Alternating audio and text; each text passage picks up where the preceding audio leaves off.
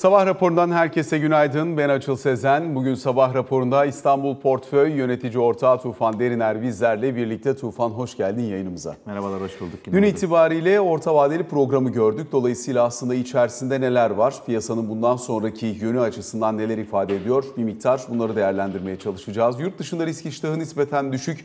Özellikle dün gelen ISM Hizmet Endeksi hizmet enflasyonundaki katılık üzerinden piyasaları negatif etkilemiş gibi görünüyor. Dün Amerikan endekslerinde sert satışlar vardı. Bugün Asya piyasalarında da biraz daha bunun etkilerini görmeye devam ediyoruz. Dolayısıyla bir parça yurt dışındaki tablo ve bunun sermaye akımları üzerine potansiyel etkilerini de değerlendirmeye çalışacağız. Ama istersen önce orta vadeli programla bir başlayalım. Çünkü aslında büyüme beklentileri önceki OVP'ye göre 1-1,5 puan kadar aşağı çekilmiş. Gelecek 3 yıl için baktığımızda bu sene için 4.4, 2024 için 4, 2025 yılı için ise %4,5'luk bir büyüme beklentisi var. Enflasyonsa bu sene 65, gelecek sene sonunda enflasyon raporunda öngörüldüğü gibi 33 seviyesi üzerinden bir şekilde planlamaya dahil edilmiş. Tek haneli enflasyon için öngörülen patika 2026 yıl sonu. Nasıl görünüyor OVP sana? Evet yani hani esasında çok bilmediğimiz enflasyon raporunda çok fazla konuşmadığımız belki birazcık daha bu yıl sonunda enflasyon raporunda hani birazcık daha aşağıda bekliyorduk. Hani birazcık onun üstünde gelen bir e, hani OVP ama onun dışında bence hani ben hep şöyle bakıyorum esasında yani hani bu yeni ekonomi yönetiminin gelmesinden sonra hep öngörülebilirliğin çok önemli olduğunu konuşuyorduk. Şimdi tabii burada bazı şeyler evet bir rakamlar açıklandı ama hani nasıl oraya ulaşacağız? Faiz ne olacak? Ondan sonra hani bazı noktalarda bence birazcık hani bu toplantı sonunda birazcık daha ben daha fazla aydınlanmayı açıkçası birazcık daha bekliyordum ama hani gelen enflasyon rakamları, büyüme rakamları kendi içinde tutarlı gibi duruyor. Yani bugünü bence hani bir şu geçtiğimiz dönemdeki iki tane son iki ayda gelen iki tane dokuzun üstündeki enflasyonu bir kenara bırakırsak benim de bizim de beklentimiz hani hesaplarımıza göre 35-40'lar arası bir önümüzdeki dönemde bir enflasyon. Belki bunun %5 altında yani 30-35 arasında bir kurda bir yukarı doğru gidiş ki rakamlar aşağı yukarı zaten hani kur rakamları da ortalamalar da aşağı yukarı orayı gösteriyor. Dolayısıyla hani zaten büyüme de ortada ama hani burada faiz ne olacak? Bir yandan hani bu kadar kemerin sıkıldığı ve sıkılaşmanın olduğu bir ortamda bu büyüme rakamları ne kadar olacak? Yani böyle hani tam olarak e, esasında istediğimiz sonuca ulaştık mı derseniz hani tam olarak açıkçası şey yapamadık ama hani genel fikrimizde bir değişiklik yok. Yani bizim de düşündüğümüzde paralel e, esasında OVP'den çıkan e, rakamlarda bizim düşündüğümüzde paralel. Dediğim gibi hani ben birazcık daha önümüzdeki dönemde kurun, enflasyonun birazcık daha altında artacağı bir süreç yaşayacağımızı düşünüyorum. Herhalde bunu bunu düşünürken de Bu arada OVP bir... tam olarak öyle demiyor aslında. Yani OVP 23 lira 90 kuruş bu yıl ortalaması beklentisi. Evet, bu yıl getiriyor. bu yılın bir tek hani bu yıl sonuna kadar bir yüksek bir hareket var ama ondan sonrasında açıkçası hani beklenti birazcık daha o Çünkü yöndeymiş hani gelecek gibi duruyor. yılın e, yani bu yıl sonu ortalamadan gelecek yıl sonu ortalamaya baktığımızda %50 civarında bir değer kaybı var Türk lirası. Aynen. Esasında şöyle yani hani şu son gelen iki tane dokuzun etkisini hani nerede nasıl göreceğimizi tam şey yapamadığımız için ama hani ben bu yıl sonundan birazcık önce yani kurda bir hareket olduktan sonra kesinlikle kurun e, enflasyonun gerisinde kalacağını açıkçası düşünüyorum. Peki şimdi enflasyon cephesinde bir revizyon var tabii. Bir ilk e, enflasyon raporunda 58 demişti evet. Merkez Bankası. O dönem için realist görünüyordu. Fakat arka arkaya gelen iki yüksek enflasyon rakamı biraz önce senin işaret ettiğin gibi 9 puanın üzerinde iki enflasyon rakamı. E, bunun perde arkasında da anladığımız kadarıyla Merkez Bankası tarafından veriliyor tabii buradaki öngörüler orta vadeli program için. Onlar da diyorlar ki bir petrol fiyatlarındaki yükseliş etkili oldu. Hani 58'den önce 62'ye revize edilmişti. Şimdi orta vadeli programa 65 olarak girmiş. Bir petrol fiyatları, iki işlenmemiş gıda fiyatlarının yaş e, meyve sebze üzerinden burada e, etkili olduğunu görüyoruz. Gıda fiyatları üzerinden gelen etki. Bir de üçüncü madde olarak e, özellikle Temmuz ve Ağustos ayındaki enflasyon verisi gösteriyor ki fiyatlama davranışındaki bozulma Merkez Bankası'nın da piyasadaki diğer oyuncuların da öngördüğünden daha kuvvetli. Dolayısıyla bunlar nedeniyle hani enflasyon raporundan buraya kabaca 7 puanlık bir revizyon gelmiş ama e, bundan sonra arızi olan bu faktörlerin bir kısmı geri gelse dahi yani petrol fiyatları bir noktada belki bakarsın normalleşebilir veya gıda fiyatlarında işte yılın ilk yarısında iyiydi sonra biraz bozulma oldu. Burası biraz normalleşebilir ama üçüncü kısmı önemli. Yani özellikle fiyatlama davranışı bozukluğunu giderebilmek için bundan sonra ne yapmak lazım? Yani tabii oradaki faiz hani mesela son Merkez Bankası toplantısı bence çok hiçbirimizin beklemediği bir faiz artışıyla ka- karşılaştık. Şimdi bu faiz artışları esasında şöyle bir etkisi var.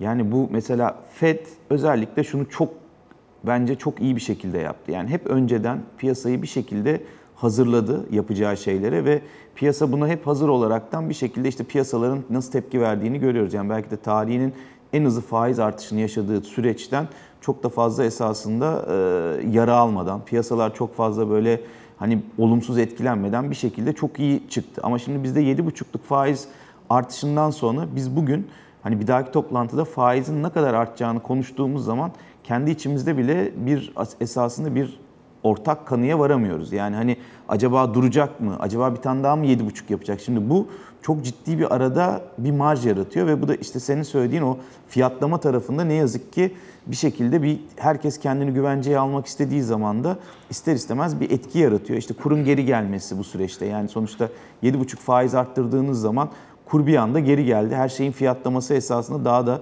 farklı bir noktaya gitmesine hani o süreçte sebebiyet veriyor. Dolayısıyla hani bütün bunların olabilmesi için bizim en azından bir sonraki 6 ayı bir ciddi öngörülebilir bir halde olmamız lazım ki ondan sonra artık o senin söylediğin o fiyatlama tarafında oluşan o e, hareketler, insanların kendini koruma güdüsü.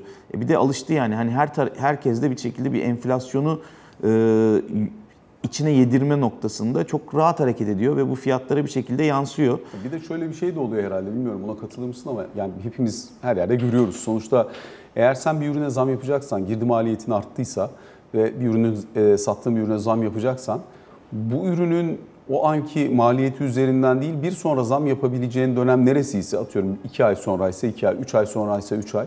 E, o arada artabilecek diğer girdi maliyetini de işin içerisine katarak önden fiyatlamaya gidiyorsun. Dolayısıyla aslında bu normalde senin sadece kendi maliyetinle değil beklediğin enflasyonla da yukarı giden bir ekstra fiyatlamayı beraberine getiriyor. Hani hakikaten birçok ürün Türkiye'de şu anda Avrupa'dan, dünyadan daha pahalı hale geldi. Doğru yani esasında birebir söylemek istediğim de buydu. Yani şimdi bundan sonraki süreçte Türkiye'yi mukayese ettiğiniz zaman işte ne bileyim bir akşam belki bir yediğiniz yemek ya da aldığınız herhangi bir ürün bütün bunları mukayese ettiğimiz zaman gerçekten dünyayla neredeyse aynı noktaya geldik ki kurum bu kadar develi olduğu, bu kadar değer kaybettiği ve bu kadar hani e, her şeyin yükseldiği bir ortamda bu duruma gelmemiz bir de hani ekonomik açıdan da sonuçta baktığımız zaman gerçekten sonuçta satın alma gücünün düştüğü de bir ortamdan bahsediyoruz. Yani hem burada dolar bazında fiyatların yükseldiği ama satın alma gücünün de bu kadar düştüğü bir dönemi açıkçası çok fazla gördüğümüz bir durum değil. Dolayısıyla hep de etkiler işte senin de söylediğin gibi önden herkes bir şekilde bir an evvel e, fiyatı e, ayarlamak istiyor. Çünkü sonuçta zamlar da çok hızlı geliyor. Yani son dönemdeki, son iki aydaki işte 9-9'luk enflasyonu koyarsanız e, bunları yansıtmak da ürünlere çok kolay değil. E tabii önceden yansıtıyorsunuz kimisini. İşte arada gelen e, petrol zamları, şunlar bütün bunları ayarlamak yani esasında e, ürün satanlar açısından da çok kolay değil. Tabii senin de söylediğin gibi işte önden bindirmeli bir esasında bir e, arttırımlar hep bir şekilde geliyor. Bu olmaya da devam edecek. İşte bunu kırmanın da tek yolu bence artık şu faiz ne olacağını bir tam bir anladığımız bir noktada, tam nerede oturacağımızı gördüğümüz noktada bence birazcık daha bunlar oturacaktır diye düşünüyorum. Çünkü şöyle bir şey oldu bence en azından önümüzdeki döneme ait olarak. Hani ben bile söylerken en azından portföylerimizde korunmak için birazcık dövizin ağırlığını sonuçta azalttık. Yani esasında bir dövizde bir artık böyle sert bir yukarı gidişin önümüzdeki dönemde çok olmayacağını varsayıyoruz. E şimdi para girişi belki önümüzdeki dönemde görürüz. İşte Dünya Bankası'ndan gelen haberler. Onun dışında da işte sonuçta bir sürü anlaşma imzalanmıştı. Ben bütün bunların hepsinin orta vadeli program açıklandıktan sonra yavaş yavaş hani realize olacağını yani konuştuklarımız birçok şey konuşuldu. Ama realizasyon tarafında daha henüz çok ciddi bir şey esasında göremedik. İşte bunların yavaş yavaş oluşmasıyla beraber ben açıkçası hani orası durulduğu zaman belki birazcık daha hani herkes daha rahat fiyatlamasını yapabilecek bir konuma geçeriz diye düşünüyorum. Şimdi politika faizi 25. Önümüzdeki yıl sonu yani 2024 sonu enflasyon beklentisi 33. Enflasyon raporunda da öyleydi. Burada da revize edilmemiş. Yani bu sene yukarı gitmiş ama gelecek sene sonu itibariyle revizyon yok. Dolayısıyla aslında politika faizinin de gelecekte oluşabilecek enflasyonu baz alarak hareket ettiği varsayımını ele alacak olursak burada zirvenin nerelerde olmasını beklersin? Politika faizinde Merkez Bankası nereye kadar gidecektir? Esasında biraz evvel söylemek istediğim şey tamamen buydu yani. Gerçekten bunu hani ben sana aynı soruyu sorsam esasında hani cevabı esasında bir şeyler söyleyebiliriz ama nereye gideceğini gerçekten kestirmekte zorlanıyoruz. Yani zaten bence hani orta vadeli programda bunun da bir şekilde yer alması gerekirdi ki biz son bacağın da ne olacağını eğer tahmin edebilseydik bence bir şeylerin daha rahat açıklama şansına gelirdik. Ama hani işte gelen raporları da görüyoruz. 45'ler var. Hani 45'lere doğru çıkabileceğini düşünenler var bu e, son gelen enflasyon verilerinden sonra.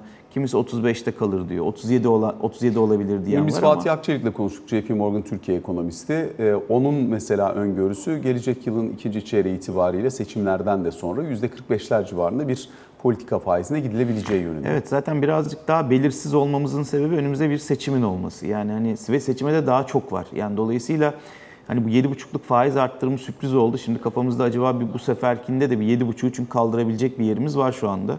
Hani bir tane daha acaba böyle bir şey e, bir hareket alanı olur mu seçim öncesinde ki hani şimdi yapıp bir daha seçime kadar acaba durma yöntemi mi ya da düşük faiz arttırımlarıyla gitme mi? Yani izleyip göreceğiz ama sonuçta gelmesi gereken yerler 40'lar seviyesinde bir nokta. Eğer enflasyonda pozitif senin söylediğin hani o pozitif gelişmeler olursa 40'lar seviyesinde kalırız. Ama sonucunda seçim sonrasında gitmemiz gereken yer bu işe eğer kontrol altına alacaksak bu enflasyonu ki işte biraz evvel sen de söyledin Amerika'da yani bu kadar tarihinin belki de en hızlı faiz arttırımını yaşadığı bir ortamda bile çok yapışkan bir enflasyon var. Yani bir türlü hani o tarafta kurtulmayı başaramıyorlar. Dolayısıyla bizim bir yerde bu yüksek faizi vermemiz kesin gerekli. Yani sadece sıkılaşma uygulayarak sanki bu enflasyonun önüne geçebilecekmişiz gibi açıkçası e, çok fazla durmuyor.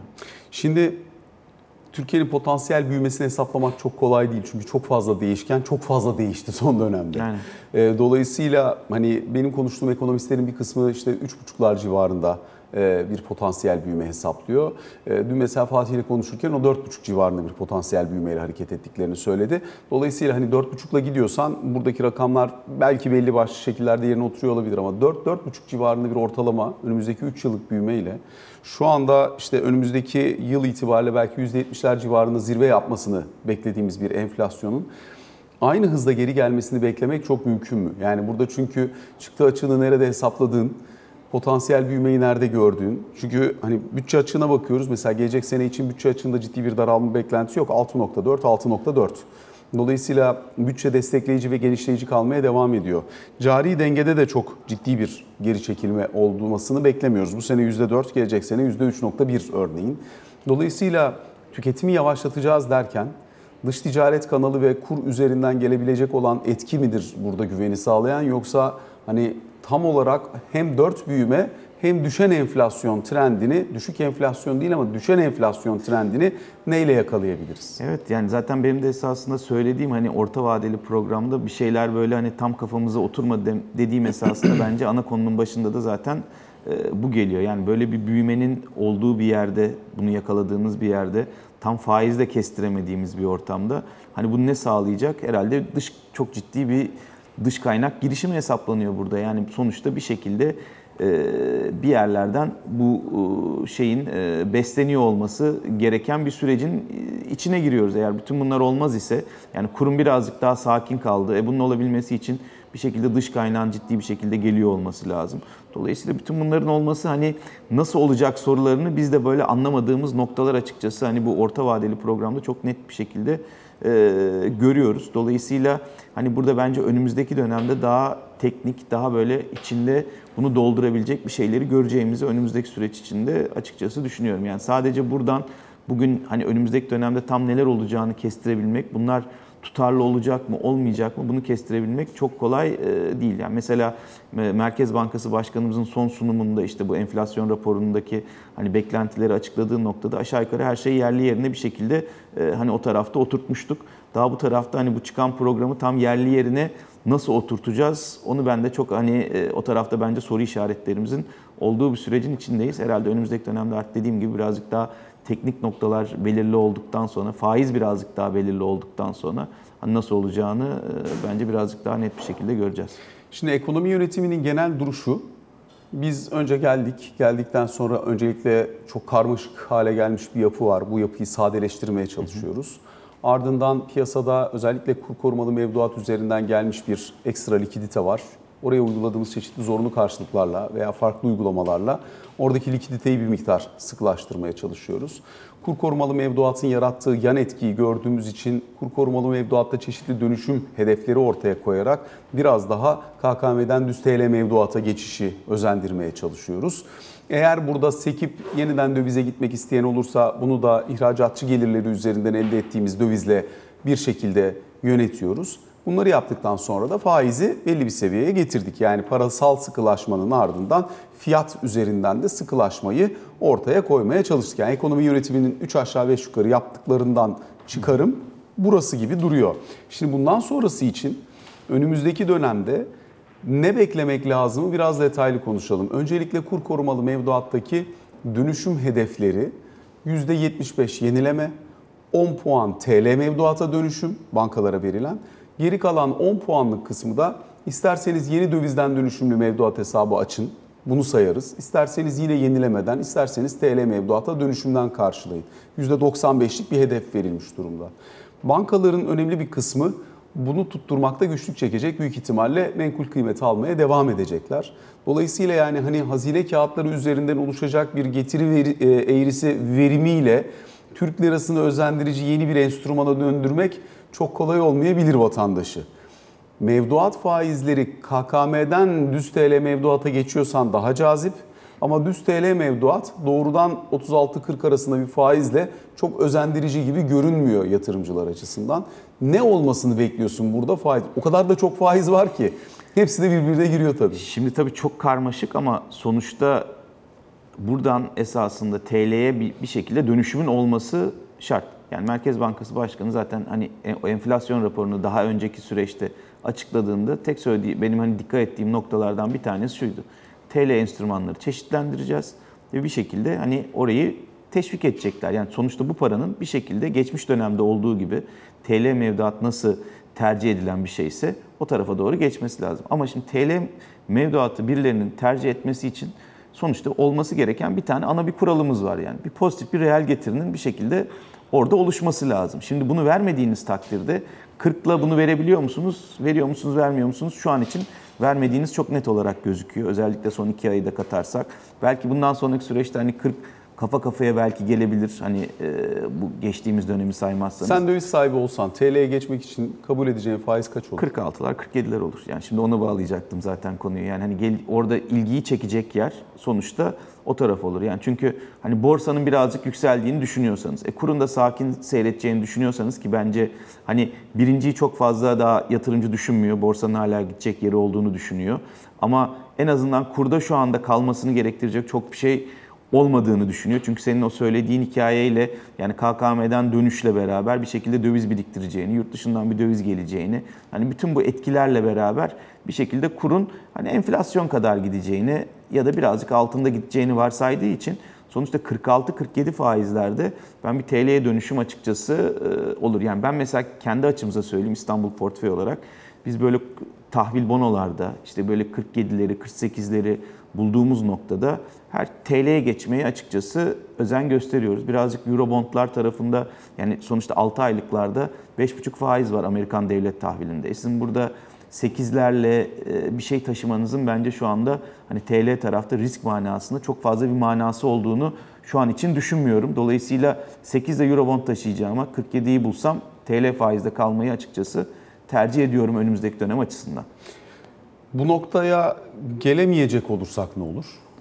Gelemeyecek olursak, geçmişte neler yaşadıysak bence benzerini yaşamaya bir şekilde devam ederiz. Kura tekrar bir şekilde baskı oluşur. Artık orada nasıl e, Merkez Bankası hareket eder, döviz satmaya devam eder mi, etmez mi? Bütün bunlar hani gideceği yönü belli eder. Ama bir noktadan sonra ne oluyor işte? Mesela seçim süreci bunu birebir gösteren bence en önemli etkendi. Eğer bir şeyi gereğinden fazla tuttuğunuz zaman sonuçta orada biriken tansiyonu sürekli arttırıyorsunuz. İşte seçim öncesi kuru sabit tuttuk tuttuk. Ondan sonrasında ne kadar hızlı yukarı gittiğini ondan sonraki süreçte çok net bir şekilde gördük. Sonra belli bir yerde dengeye geldi ama o günün tansiyonunun sonrasına yansıdığını görüyorsunuz. Eğer hani bu söylediklerimiz yakın bir dönem içinde eğer oluşmazsa gene olacak şey dövizin üstünde, kurun üstündeki tansiyon yavaş yavaş gene bir şekilde artmaya başlayacaktır. Ya kur yukarı gidecek.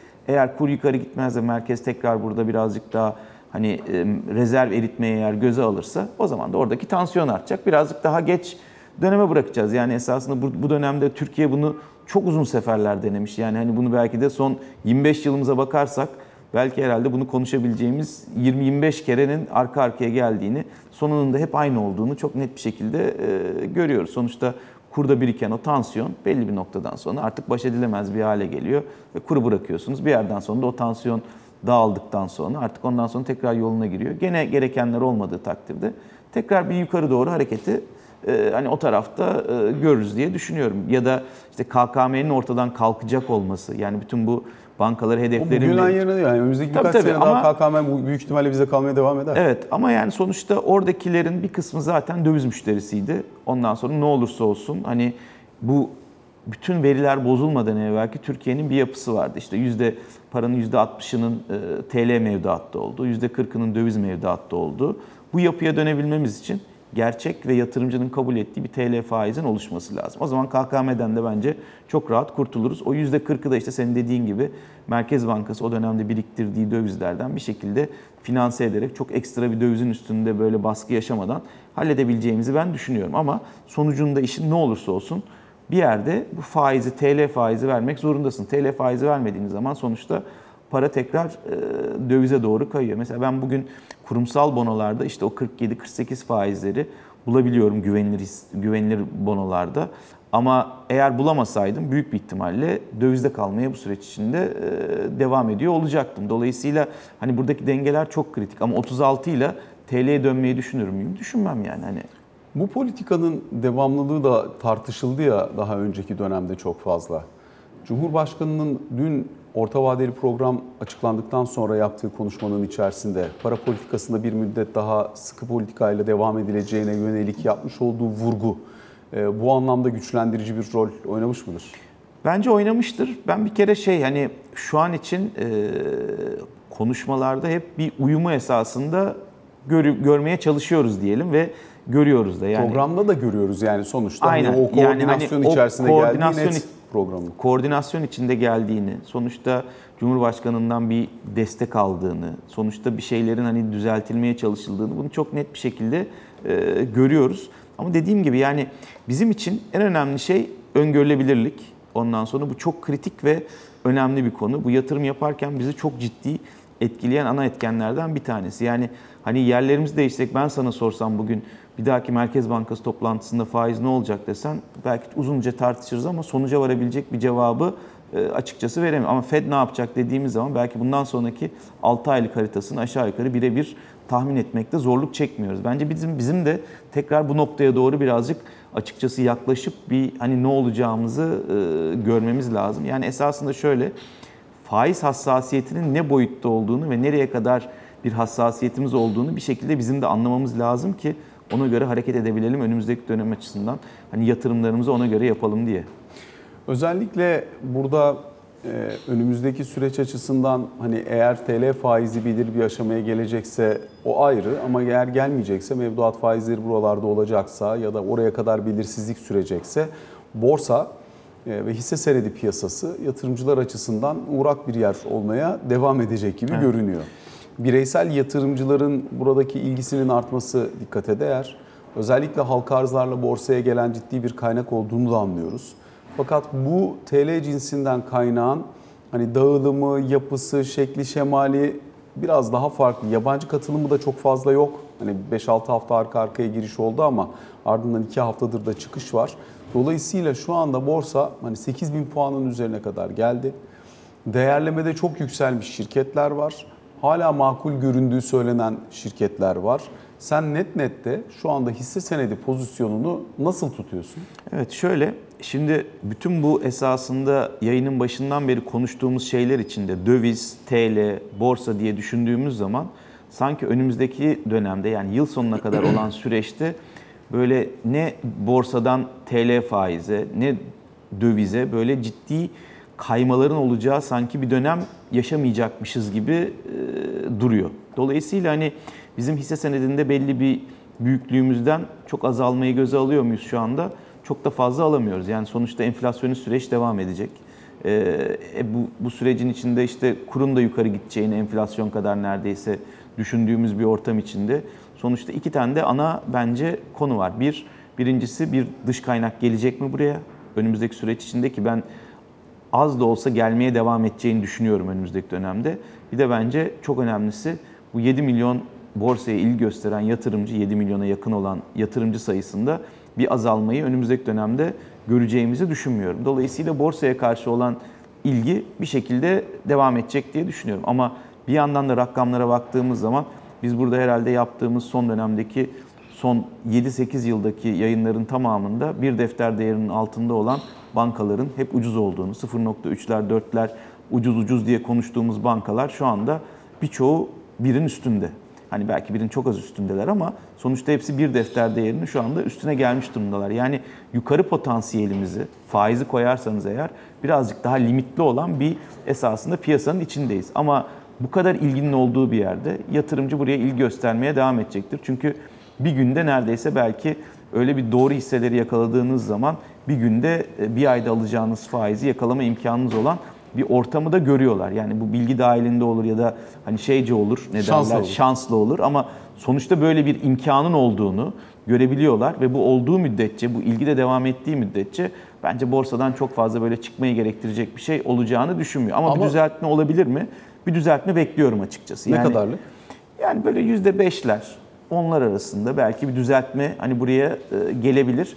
Belki de seans içinde zaten geliyor mesela dün bence seans içinde iki kere çok ciddi esasında düzeltme geldi. Sonra borsa kendini tekrar yukarı atmak istedi. Sonra tekrar bu sefer daha sert bir düzeltme geldi. Yani birazcık da şimdi orta vadeli programın açıklanmasıyla beraber artık bir beklentiyi de orta vadeli program. Belki de endeksi Onu yukarı etmek onu da realize isteyen etmek istemiş olabilir. Bugün yarın onun da birazcık realizasyonunu görebiliriz. Ama şimdi buradan çıkan sonuçlarla belki yeni yatırım fikirleri çıkacak ve böyle olunca hep canlı bir hissenin olduğunu zaten piyasada hep yukarı çeken. Mesela dün Aselsan'da bir yabancı kurumun raporu çıktı e, yukarı potansiyelli. E dün Aselsan birazcık piyasayı yukarı çekti. Yani her gün bir şey olan bir hareket esasında piyasada canlılık olduğu için, ilgi olduğu için bir şekilde e, yön devam ediyor. Dolayısıyla biz hani borsada böyle azaltmadan çok belki bir düzeltmeye karşı kendimizi birazcık korumaya alıp hani geçici bir e, düzenlemeyle belki birazcık hani hisse senedi oranımızı azalttık ama hani bu çok geçici bir şey. Yani sonuçta ana fikir olarak biz Düştüğü şu anda yerden alırım diyorsun. Evet yani mı? aynen öyle. Çünkü herkes öyle düşünüyor zaten. Düştüğü yerden zaten enflasyonda olduğu bir ortamda biraz geri gelse tekrar yerine koyarım gibi bir düşünce var ama alma konusunda buradan böyle yukarı gittiğimiz noktada çok iştahlı değiliz açıkçası. Son bir dakika yatırımcı profili çok değiştiği için daha önce homojen bir yapıda yatırımcının nereye gideceğini daha fazla kestirip ona göre pozisyon alabiliyordun. Yani 30 endeks mi, tüm hisseler mi, küçüklerde mi pozisyonlanma falan. Şimdi yapı o kadar karışık, karmaşık ve aslında yeni yatırımcı kitlesi o kadar tanınmayan bir kitle ki nereye alıp nereye taşıyabileceğini çok da fazla göremiyorsun. Dolayısıyla hani sizler açısından, profesyoneller açısından daha zor bir ortam yatırım Ya yaratıyor mu? şöyle yani eğer kaçırdıklarınızı düşünürseniz evet yaratıyor olabilir ama kaçırmadıklarınızı düşünürseniz de şöyle 7 milyon tane sonuçta burada yeni 7 milyona yakın bir yatırımcı var. Ve bu yatırımcıların belli bir kısmı da çok çabuk öğreniyorlar esasında ve doğruları da yapıyorlar. Yani siz doğruları yaptığınız zaman yatırımcı kitlesi arka tarafta büyük olduğu için doğrularınızın da esasında cevabını hızlı aldığınızda esasında bir sürecin içindeyiz. Yani enteresan bir süreç ama tabii kaçırdıklarınız gözünün önünüzde ya bu nasıl oldu? Hani bir değerleme yapıyorsunuz. O değerlemenin çok çok üstüne giden bir sürü hisse de görebiliyorsunuz. Yani o sizin hani o portföy yönetim bugüne kadar yaptığınız e, şeyin içinde o değerlemeleri hiçbir şekilde anlam veremediğiniz noktalara giden birçok hisseyi de görebiliyorsunuz. Ama işin özünde biz işimizi yaparken doğru hisseleri bulup aldığımız zaman da böyle bir arkada bir kitlenin oluyor olması da ister istemez doğruları yaptığımız zaman oraları da yukarı götürdüğü için esasında çok da zor bir dönem değil Net nette avantajlıyız Net nette avantajlı bir noktadayız aynen öyle. Tufan çok teşekkür ediyoruz. Bu sabahı bizlere ayırdın ve sorularımızı yanıtladığın için. Kısa bir ara sonrasında Can Türkoğlu ile ikinci bölümde karşınızdayız.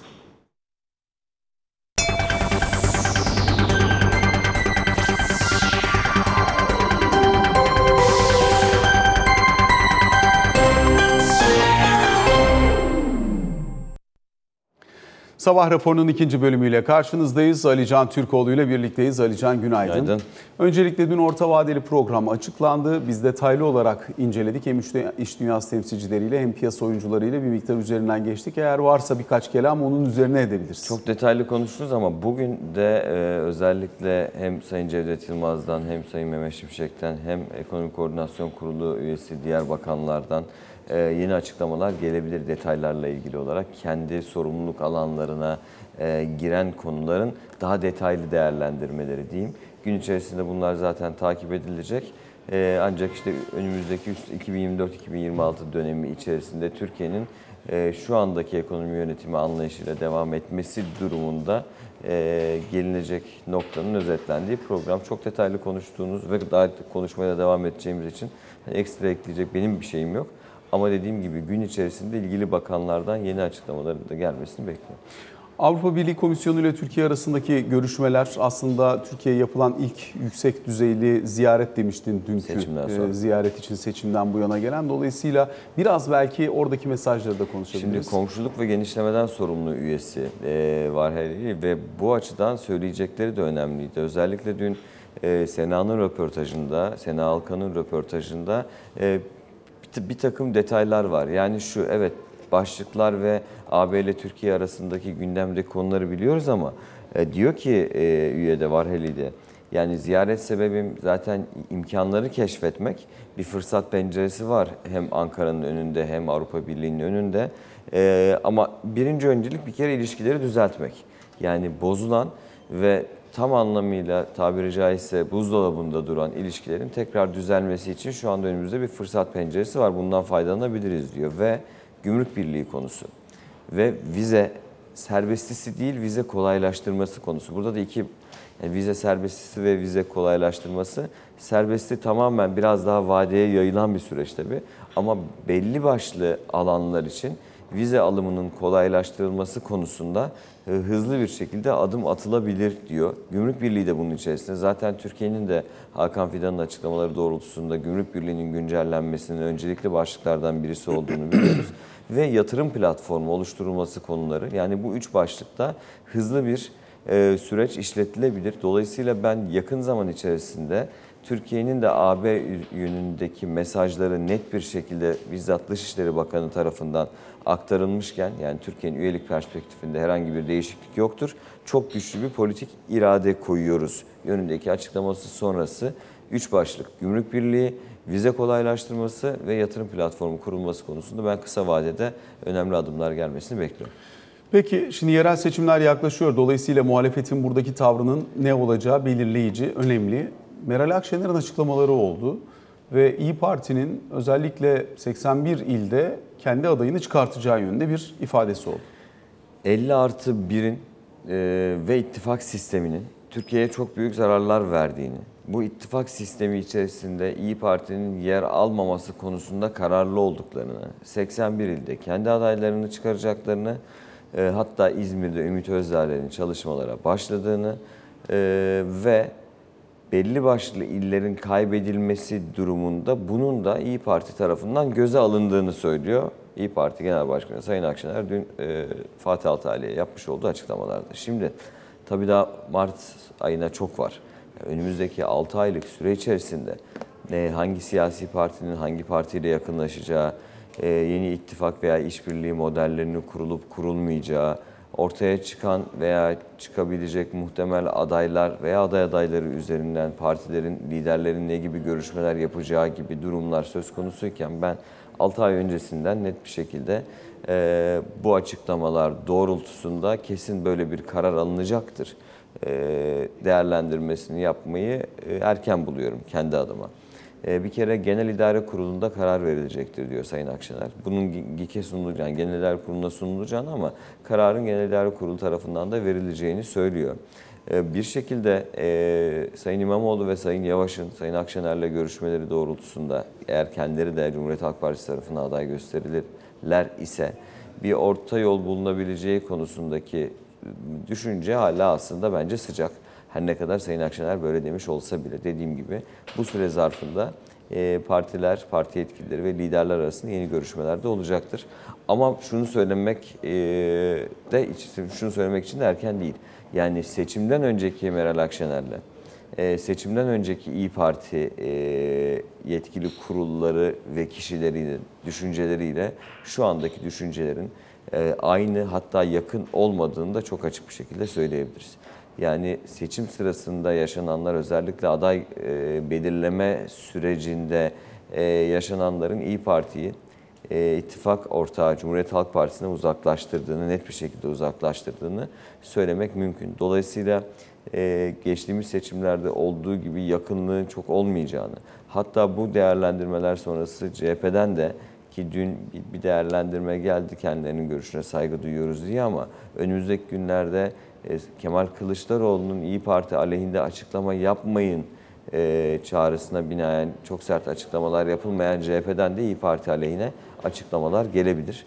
E, dolayısıyla bu süreç bence daha çok su kaldırır, daha çok görüşme de yapılır. Ama şu anda e, İyi Parti'nin ittifaklar içerisinde eski ittifak ortağına en uzak siyasi parti olduğunu ve genel başkanlarının söylemiş olduğu gibi ben Genel İdare Kurulu'ndan da benzer yönde bir karar alınma veya benzer yönde bir beyan e, çıkma olasılığının yüksek olduğunu tahmin etmekle birlikte yapılacak görüşmeler neticesinde ki bundan beklentim Ekrem İmamoğlu, Meral Akşener, Mansur Yavaş, Meral Akşener görüşmeleri sonrası eğer bu iki ismin CHP tarafından aday gösterilmesi konusunda bir irade ortaya çıkar, bir açıklama yapılırsa orta yol bulunabileceği düşüncesini hala koruyorum. Ama muhtemelen bugün toplanabilir Genel İdare Kurulu. Bugün ve bundan sonraki günlerde özellikle liderlerin ağzından çıkacak açıklamalara dikkat etmek lazım. Daha CHP tarafında da adaylıklarla ilgili genel merkez tarafı net bir değerlendirme yapmadı çünkü. Alican teşekkür ediyoruz. teşekkür Sabah raporunu böylelikle noktalıyoruz. Hoşçakalın.